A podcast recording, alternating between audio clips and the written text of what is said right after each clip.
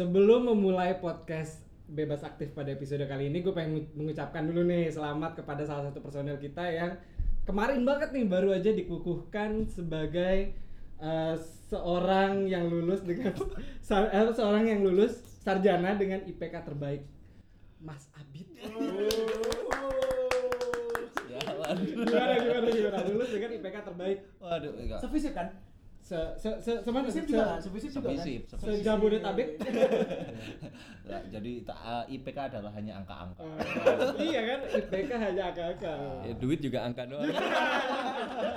apakah IPK dan duit itu berbanding itu lurus itu ya? pertanyaan lain. Iya, tapi itu itu ada cerita menarik tuh. Jadi gua kan kemarin ketemu kan teman-teman juga nih yang barusan lulus juga kan. Terus Mhm. kita tuh ngobrol gitu kan dan kita terbukti bahwa IPK dan pendapatan itu berbanding terbalik. Jadi gua dibandingkan mereka kalah kalah, kaya sekarang. berarti Saya ikut berduka cita.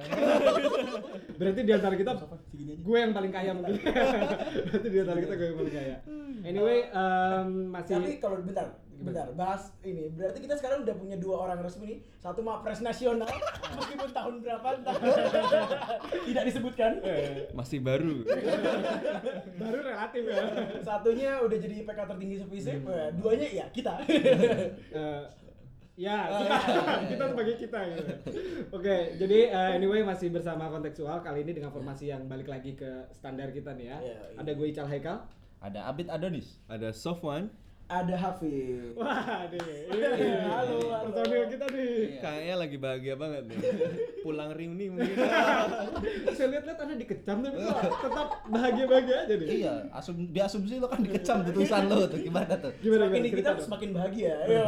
Cerita dong, gimana sih reuni 212 kemarin dikit ya gitu. Eh, karena gue bukan bagian dari apa bukan bagian dari eh, peserta dulu jadi gue tidak merasa ini sebagai reuni tapi gue lebih merasa sebagai orang yang ingin tahu gimana sih rasanya reuni yang eh, katanya mereka bisa menghadirkan apa ya eh katanya banyak orang bisa menghadirkan eh, sebuah gerakan yang paling besar di abad 21 di Indonesia. Maksudnya sebagai political movement arguably ini bak apa cukup besar kan angkanya. Dan mungkin nggak banyak nggak banyak kayak mungkin yang bisa menandingi kayak pernah Jokowi bikin konser slang ya kan yang jumlahnya jumlahnya besar juga gitu tapi ini arguably yang paling besar di abad 21 ini gitu sih sebenarnya Konvoy Jackmania tadi juga ramai. oh Selamat Persija Eh, nanti yang dukungnya Oh, iya, iya, nggak iya. denger Iya. kita lagi. Tahun depan Persib.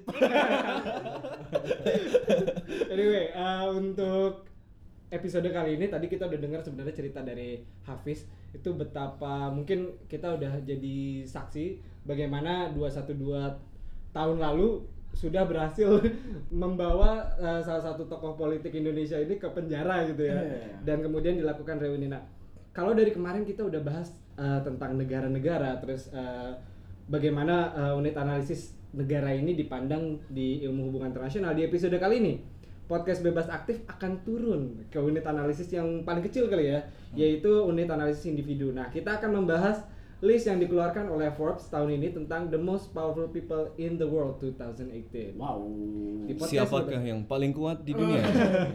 di podcast bebas aktif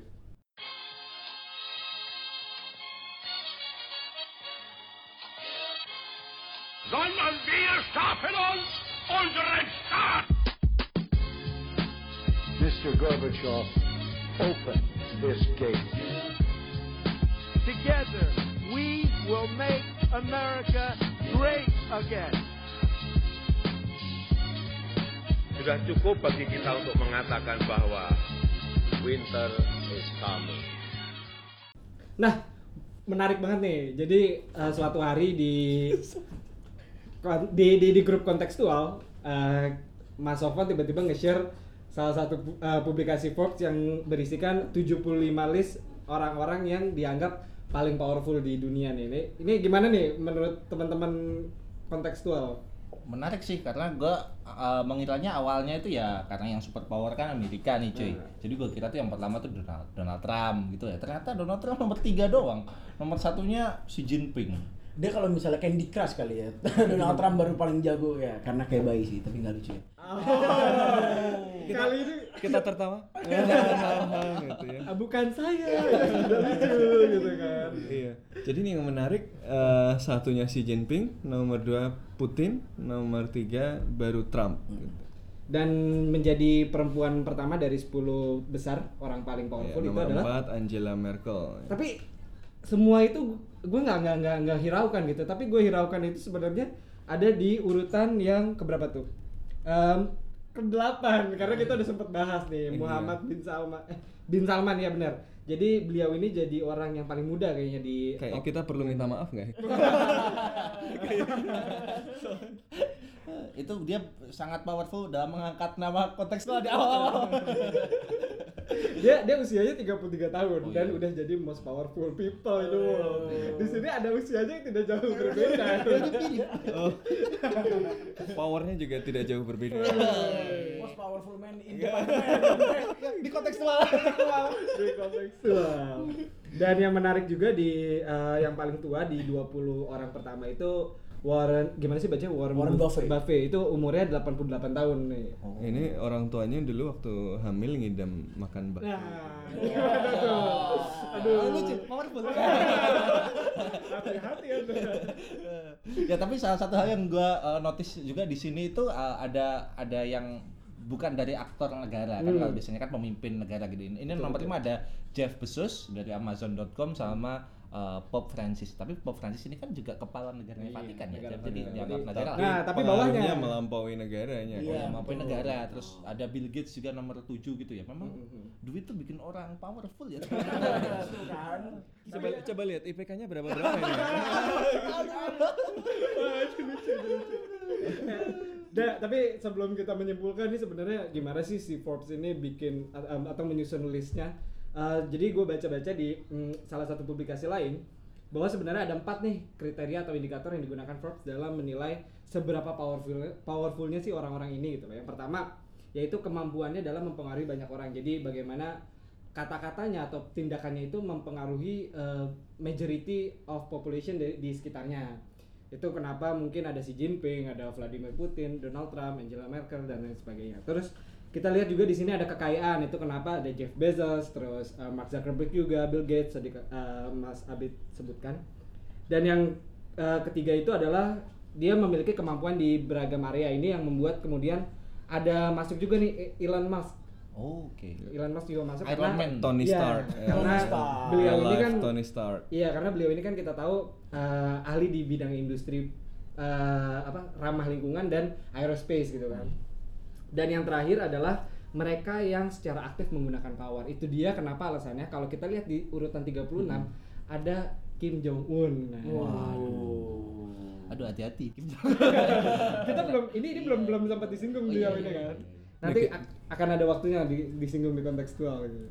Oke, Mas Sofan. Iya. Jadi eh, highlight yang menarik buat gue adalah yang pertama eh, tadi urutan 1 2 3 tadi eh, menunjukkan bahwa tidak selamanya eh, posisi sebagai negara kepala negara dari negara terkuat di dunia itu membuat Anda memiliki power yang eh, terkuat sebagai individu gitu ya. Ada eh, ada uh, poin di mana power itu bisa digunakan atau tidak ya. Di sini kalau kita lihat misalnya Trump hanya ketiga karena meskipun dia paling uh, menjadi presiden dari negara yang adidaya di dunia, dia tidak bisa mendayagunakan seluruh powernya karena di dalam Amerika Serikat sendiri dia mendapatkan uh, oposisi yang kuat gitu ya. Uh, kalau kita baca baca media-media mainstreamnya saja uh, banyak yang kerjaannya tiap hari ngeledek Trump gitu. Uh, jadi, uh, nah saya kira kemudian ini menjadi hal yang yang yang menarik gitu ya bahwa gimana sih uh, hubungan antara siapa yang memegang presiden dengan kapasitas sebuah negara kemudian apakah apakah power individu ini kemudian uh, akan juga sebaliknya berpengaruh kepada power negara? Gitu Ya. misalnya pas Obama jadi presiden dengan pas Trump jadi presiden apakah itu ada dampaknya pada pengaruh Amerika Serikat dalam politik internasional? Nah itu menurut gue pertanyaan yang uh, menarik untuk uh, dilihat. Tapi kalau dilihat sekarang yang pengaruhnya lebih besar malah Trump sebenarnya karena yang membuat kejutan-kejutan dalam banyak uh, politik internasional justru Dari Donald uh, Trump Donald gitu ya. Trump kan ya Nah, kemarin uh, keluar dari TPP tiba-tiba ya, kemudian meminta negosiasi ulang uh, beragam perjanjian perdagangan bebas di Amerika Utara dan uh, seterusnya Itu highlight satu. Highlight dua yang eh, gue eh, pengen taruh di sini adalah power itu memang konsep yang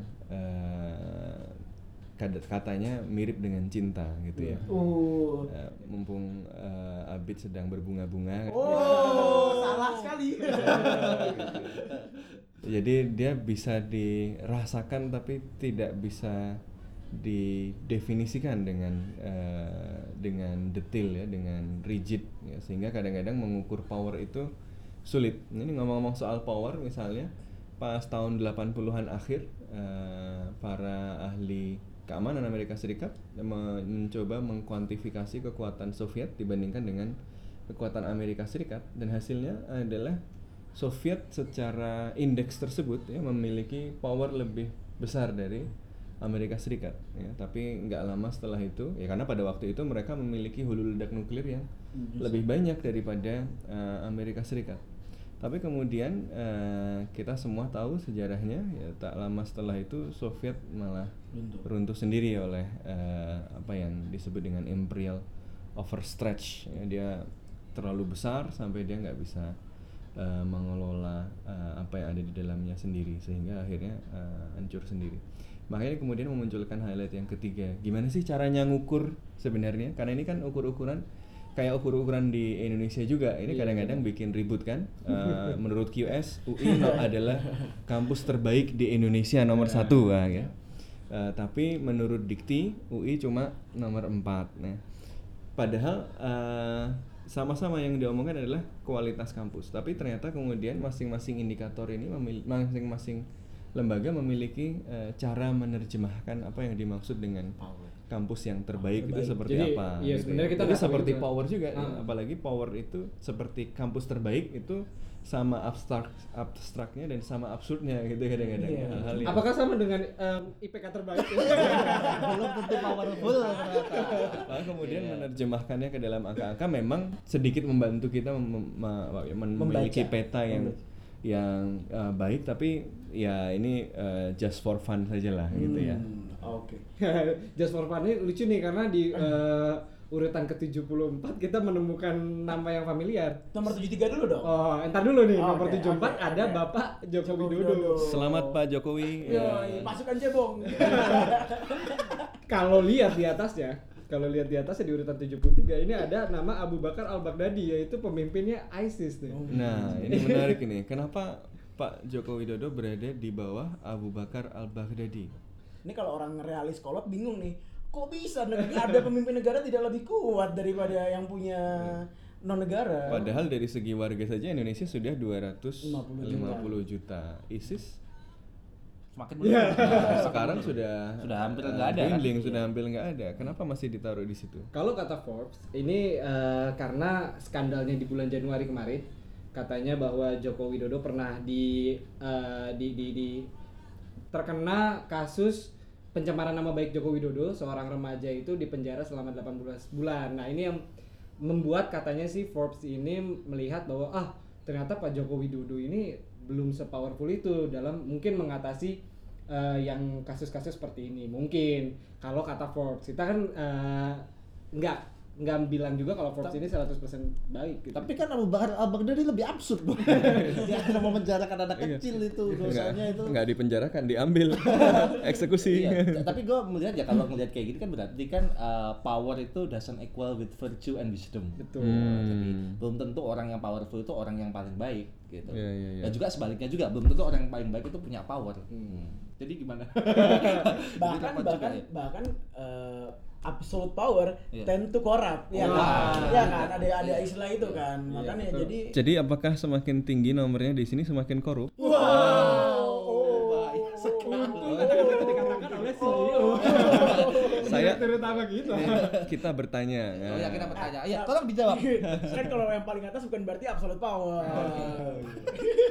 Oke oke oke oke. Kita cukupkan uh, diskusi kita di segmen satu. Kita lanjutkan nanti di segmen kedua tentang bagaimana Forbes sebagai sebuah uh, majalah Amerika bisnis dan bagaimana Amerika Serikat itu bisa membentuk persepsi global dalam melihat oh ini nih ada orang-orang yang paling powerful di dunia. Iya. Kita lanjutkan di segmen berikutnya. Mr. Gorbachev, open this gate.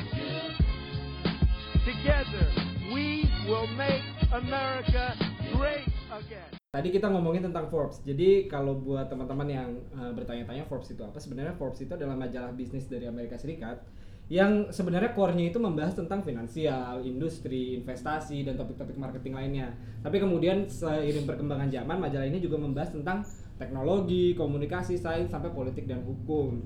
Menarik juga bagaimana eh, kemudian majalah Forbes ini bisa mempengaruhi kita dalam melihat oh si Jinping yang paling powerful, oh si ini yang paling powerful. Nah ini bagaimana menurut teman-teman media?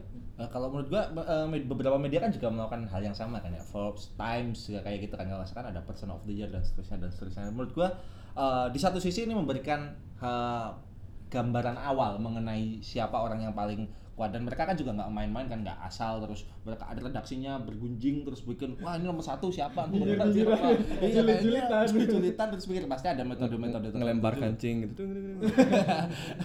Nah itu menurut gua kan juga uh, pasti ada metode-metode yang mereka lakukan. Cuma nggak bisa juga dijadikan satu-satunya patokan tetapi bisa menggambarkan uh, sejauh mana orang ini dipandang uh, kuat. Terutama kalau melihat metodenya misalkan sampai sejauh mana dia bisa exercise powernya gua itu cukup memberi gambaran awal tetapi nggak bisa dijadikan kesimpulan akhir Gua kalau gua le- eh, lebih lebih suka ngelihatnya kayak ini sebenarnya salah satu cara buat Western eh, dan mungkin Amerika Serikat secara spesifik untuk melanggengkan eh, apa ya secara nggak langsung kan ada pemahaman bahwa kalau dikeluarin sama Barat, dikeluarin sama Betul. Amerika, rasanya tuh jadi kayak legit gitu. Dan ter dan dan menurut gua pola ini yang juga sekarang diikutin loh sama Korea. Kayak misalnya kemarin nih baru aja dia bikin namanya Mama. Mnet Asian Music Awards. Jadi acara Korea, acara awards Korea, tapi dia ngundang dari beberapa negara. Kawasan kayak Indonesia yang Marion Jola, Marion Jola baru aja menang.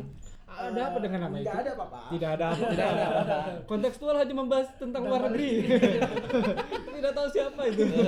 Maksud gue uh, balik lagi, jadi kayak ini caranya Times, caranya eh caranya Forbes dan mungkin juga Times dan beberapa majalah lain buat apa ya mengexercise, mendefinisikan uh, di global tuh seperti apa.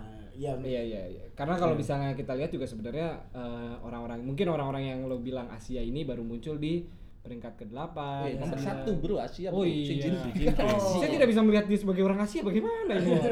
ya Putin kan sebagian wilayahnya juga Asia bro. Oh iya Jadi juga. Asia itu tapi juga nggak di- sepakat juga gue jadinya karena kan ini nomor satu orang dua dari tiga. Bukan, bukan itunya. Kalau gua caranya Times menyampaikan bahwa mereka bisa membuat world's most uh, powerful people based on Times. Eh, Oh. ya, nah, based on Forbes gitu. Nah, itu kan berarti Forbes sendiri berusaha mendefinisikan bahwa dialah yang paling mampu mendefinisikan Iya. siapa yang terbaik gitu. Mas Sofwan ada Ya, jadi pendefinisian ini sendiri merupakan exercise of of, power, power. gitu ya. Wah. Ya, bahwa kan ini kita ngomongin Forbes Eh, and powerful how how powerful Iya, they are kan. jadi justru uh, menunjukkan bahwa ini loh, uh, jadi memang media kan memang uh, powerful dan dengan informasi yang dia berikan itu dia memberikan gambaran kepada uh, para pembaca dan tentu yang disasar Forbes ini uh, orang-orang yang berpengaruh juga gitu kan uh, untuk kemudian menilai ya, dunia mereka ini sedang seperti apa. Dan ini kemudian tentu berpengaruh kepada keputusan-keputusan yang uh, mereka lakukan ya. Jadi uh, ini tidak cuma exercise untuk menunjukkan siapa tokoh yang berpengaruh tapi juga kemudian uh, menjadi exercise untuk menunjukkan bahwa uh, Forbes itu uh, reliable loh untuk memberikan anda gambaran tentang Betul. apa yang sedang terjadi di dunia gitu ya maka uh, banyak media kemudian nanti akan mengeluarkan uh, hal yang sama dan orang akan membandingkan informasi-informasi itu dan berdasarkan informasi itu mereka akan menilai uh, mana sih yang kira-kira uh, paling uh, reliable menurut mereka gitu ya. yang, yang punya Forbes nomor berapa ya? iya juga ya. Ya, harusnya bikin Tidak ada terpikirkan. the the world's most powerful index of world's most powerful people. Asia. Indeksnya bertingkat. Indexception. Inception. Ini ngomong-ngomong karena ke, lagi deadline uh, proyek indeks ini. Tapi ini kita ngomongin tentang Forbes dan media ini sebagai seorang HI ya. Jadi kalau teman-teman yang kebetulan mengkaji media dari teman-teman komunikasi boleh nih masukin eh masukin memberikan masukan kepada kita di komen di kolom komentar di Instagram maupun Twitter kita di @contextualcom. Oke, ada lagi? Itu sih menurut gua media top powerful. Seperti kontekstual, semoga powerful juga. Karena kita juga media. Ingin seperti Forbes ya. Kalau dibuat listnya kontekstual di mana tuh? Waduh, Mas Sofwan dong. Iya. Nggak kalah sama MBS. Oh, serem sekali. Oke, Nggak cukup. kalah jumlah hari yang dilalui.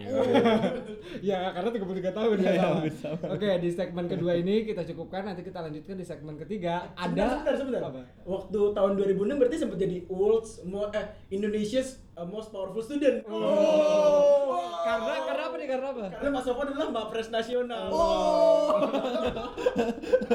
Nanti kita lanjutin di segmen selan- selanjutnya dengan eh, topik yang. Apa apa ada yang mau ditambahin, Mas? Gue bingung mau komentar apa. Kita kan di sini kesepakatannya tadi ngerjain abit. Ya.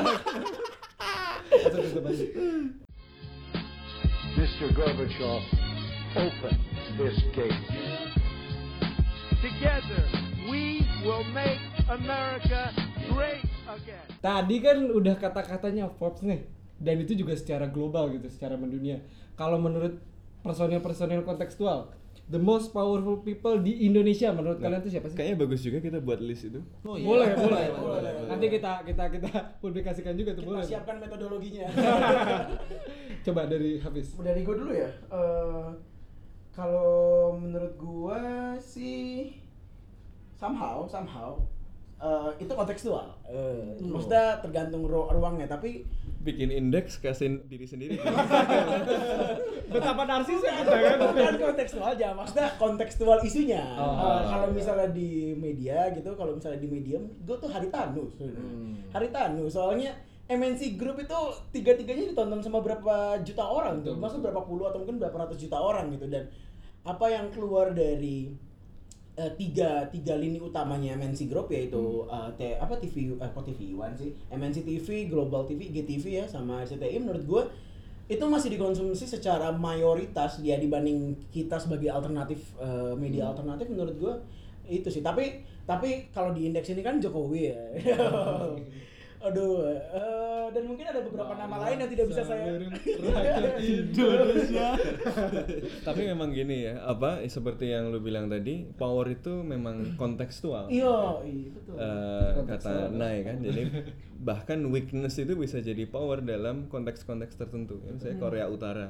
Dia eh, justru misalnya ekonominya yang buruk itu jadi power karena kemudian dia bisa ngancem negara-negara lain kalau gue dibiarin eh, kayak gini terus eh, nanti pengungsi banyak loh datang ke Cina nanti Betul. pengungsi banyak kalau datang ke Korea Selatan. Jadi weakness dalam konteks tertentu malah bisa jadi power juga gitu. Dan dalam hal ini memang kemudian membuat list-list semacam ini adalah uh, upaya yang uh, sebaiknya memang disipak, disikapi sebagai uh, apa ya uh, simplifikasi saja gitu ya. Karena tadi power apa uh, tempat di mana power itu diimplementasikan juga uh, pasti uh, berlapis-lapis ya tumpang tindih atau uh, terpisah-pisah ya terfragmentasi kayak tadi oke uh, Haritanu uh, kuat di media dan bahkan mempengaruhi pikiran anak-anak untuk eh, apa ya Nonton tayu. Atau sekedar menyanyikan nyanyi Perindo. gitu ya. sekarang mau apa apa semua anak tahu lagu itu gitu ya Eh, tapi di sisi lain eh, ada hal-hal di mana power dia nggak jalan gitu. Makanya kalau kita eh, baca tulisannya Castles misalnya power itu ya kaitannya dengan network. Jadi dalam eh, aspek aspek tertentu ada eh, eh, aktor-aktor yang powerful. Tapi power itu tidak tertranslate di aspek yang lain. Tapi ada makanya ada yang powernya sendiri adalah connecting this uh, spheres of power gitu ya. Dan media kemudian uh, policy brokers dan macam-macam ini memainkan uh, peran di situ membuat orang misalnya punya power punya otoritas keagamaan dikonversi jadi otoritas politik elektoral gitu atau uh, sebaliknya. Nah ini uh, ya bagaimana konversi power itu?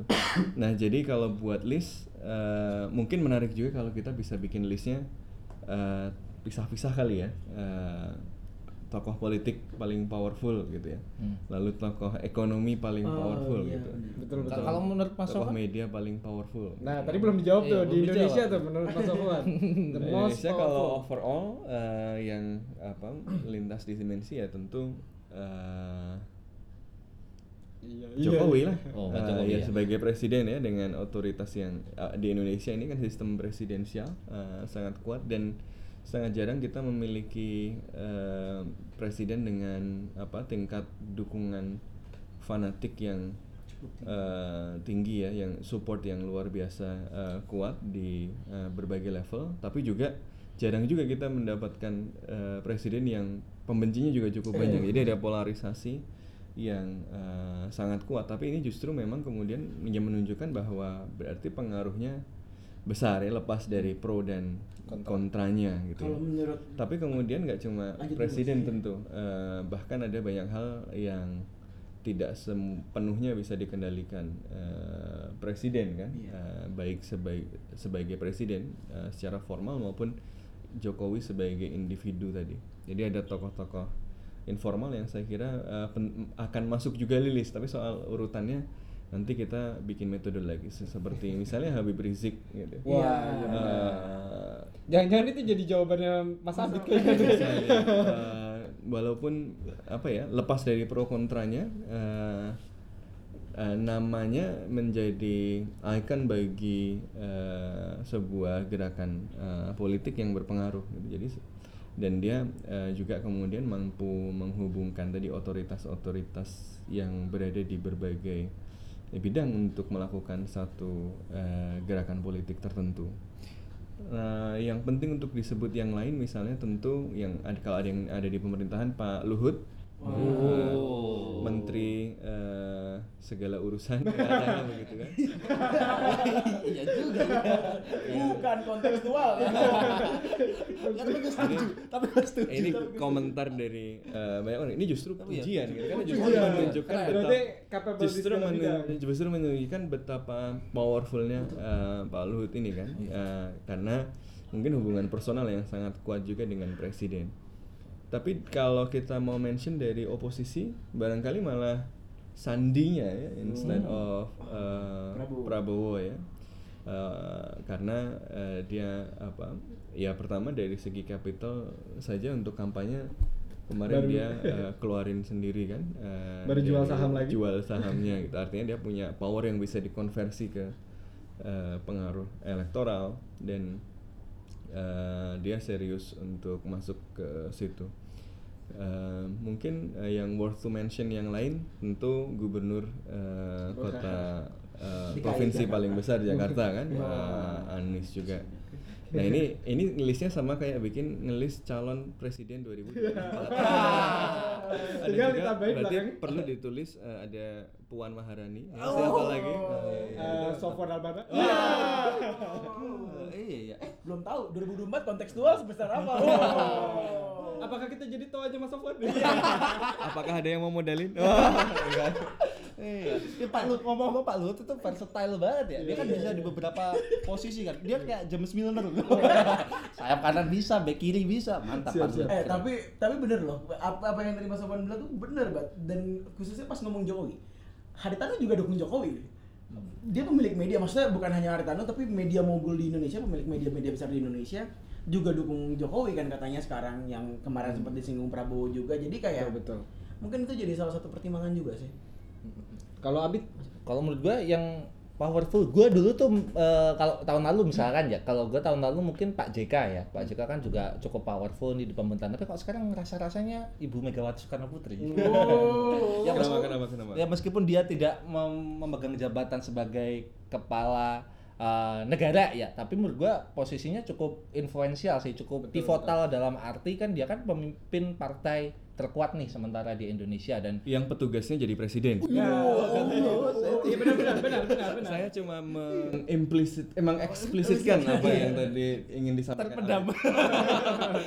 ya yang di mana eh, Pak Jokowi adalah eh, anggota partainya ya. Anggota partai. Ah, nah, d- d- dan di situ kan banyak sekali eh, keputusan-keputusan politik besar kan dia lahir dari Ibu Megawati Soekarno Putri. Terlebih dia itu juga punya darah eh, Bung Karno kan yang Bung itu Karno. yang membuat orang-orang kalau lo datang di beberapa daerah itu masih kuat sekali kental bahwa dia fanatik terhadap Bung Karno dan, dan keturunannya yang menurut gua itu membuat dia powerful nggak hanya karena dia pegang jabatan politik tapi juga ada sesuatu yang inheritance gitu. Oh ada satu lagi nih tadi ka- kayaknya bias kita masih banyak tokoh politik ada tokoh non politik tapi pengaruhnya kuat di politik. Ustadz Abdul Somad. Wah, itu. iya benar-benar. Iya, iya Eh, juga. reach-nya Oh, di media sosial dan eh, kalau lihat apa ya pengaruhnya ke pembicaraan apa perbincangan-perbincangan di warung-warung dan bagaimana pengajiannya besar. Ya, gue kebetulan beberapa waktu lalu itu penelitian lapangan di beberapa daerah di Indonesia. Hampir di semua daerah ada posternya eh, Ustadz Abdul Somad. Ya, lebih banyak daripada pro- poster eh, Caleg. politisi-politisi kampanye gitu. Dan isinya adalah tablik akbar tablik akbar gitu. Kalau eh, jadi apa ya eh, memang eh, luar biasa kalau kita hitung eh, power. Cuma tadi power itu kan bukan cuma soal latennya gitu ya, tapi apakah dia seperti yang dibilang Forbes tadi eh, apakah power itu kemudian digunakan gitu kan dan dalam hal ini tentu eh, kalau ceramah saja masih eh, belum apa mengkonversi itu jadi eh, ya power influence gitu kan Iya dan apa uh, Ustadz Abdul Somad kan dulu kan sempat digosipkan waktu itu kan uh, mau dicalonin cawapres juga Betul. kan. Cuma kalah sama Bang Sandi. Uh, for nggak jadi. Nggak jadi. Nggak jadi. Ya jadi kalau menurut lo sendiri gimana? Oh, Lo sendiri mau mengaku nih. kalau gue most powerful people di Indonesia jelas Siapa? netizen yang sangat mulia. betul betul betul Karena kita sebagai kontekstual hidup dari netizen. Lo jangan jujur. Aduh. Tapi memang iya kan beberapa market, kasus market. beberapa kasus yang terjadi belakangan di Indonesia itu sangat eh, banyak dan sangat kental rasanya itu dipengaruhi oleh eh, kegiatan eh, kita berinternet dan beraktivitas di sosial media. Nah, Betul. bagaimana kemudian isu-isu yang hangat kayak misalnya taruhlah Jokowi. Jokowi merasa di eh, di dicemari nama baiknya itu dari Facebook. Oh iya. Netizen juga kan. Maksud gue ini mungkin eh, tidak terlihat jelas tapi ternyata sangat berpengaruh di kehidupan kita. Oh iya itu kan terbukti tuh Lambe Tura itu menghancurkan karir Lucita Luna. iya iya iya iya. benar benar benar Karena sepertinya Abid sedih sekali lu cinta Luna garis keras Oh. enggak lah. No comment Enggak enggak enggak. Enggak enggak. Enggak ada komen. mungkin kalau lu cinta Luna kebetulan dengerin podcast kita kita mau kok mengundang eh, eh, lu cinta Luna untuk datang ke sini dan memberikan klarifikasi Oh, klarifikasi Mas? Abid oh, mungkin iya, iya, mau iya. berkenalan langsung Oh iya kita nanti. Oke, lanjut. Oke, eh, sekian dulu podcast bebas aktif Eh, kali ini. Terima kasih kepada para pendengar kita nih. Kalau gue lihat sekarang di eh, kanal podcast kita itu udah didengarkan lebih dari 1.200 orang. Orang. Maksudnya 1.200 play gitu kan. Iya. Dan sedangkan pendengar kita sampai sekarang yang nge-follow kita ada 166 dan pendengar yang nggak nge-follow kita juga sampai 400-an orang. Dan follow dong berarti harus follow. Nah, itulah. 400 orang tuh harus follow. Urgensinya udah jelas kan. kita mau terima kasih banget buat teman-teman yang udah support selama ini. Udah sampai ke episode keberapa sih kita? Kelima kayaknya. Kelima kali ini ya. Kita Thank sangat you. kita sangat menghargai dukungan teman-teman. Jadi kalau habis dengerin ini jangan lupa untuk follow podcast kita di Spotify, podcast bebas aktif dan kunjungi juga Instagram dan Twitter kita di @kontekstualcom. Nah, gue pengen ngajak teman-teman netizen sekalian yang mungkin kepikiran, "Uh, most powerful people menurut gue si ini nih." Nah, bisa ditulis di komen maupun di Twitter mention kita di @kontekstualcom di dunia maupun di Indonesia atau di akhirat. Waduh, waduh. Saya tidak main-main dengan akhirat. Jadi kalau kalian punya kritik, saran atau ide, apa pun kalian bisa hubungi kita langsung di sosial media kita yang tadi kita sebutin. Oh ya, by the way ngomong kita mau punya sesuatu yang baru nih, Cal. oh. Jangan lupa kita akan membuka kanal kita lebih banyak lagi selain di Spotify kita ada di YouTube. YouTube dan website. dan website. Dinantikan ya. Mr. Gorbachev, open this gate. Together, we will make America great again.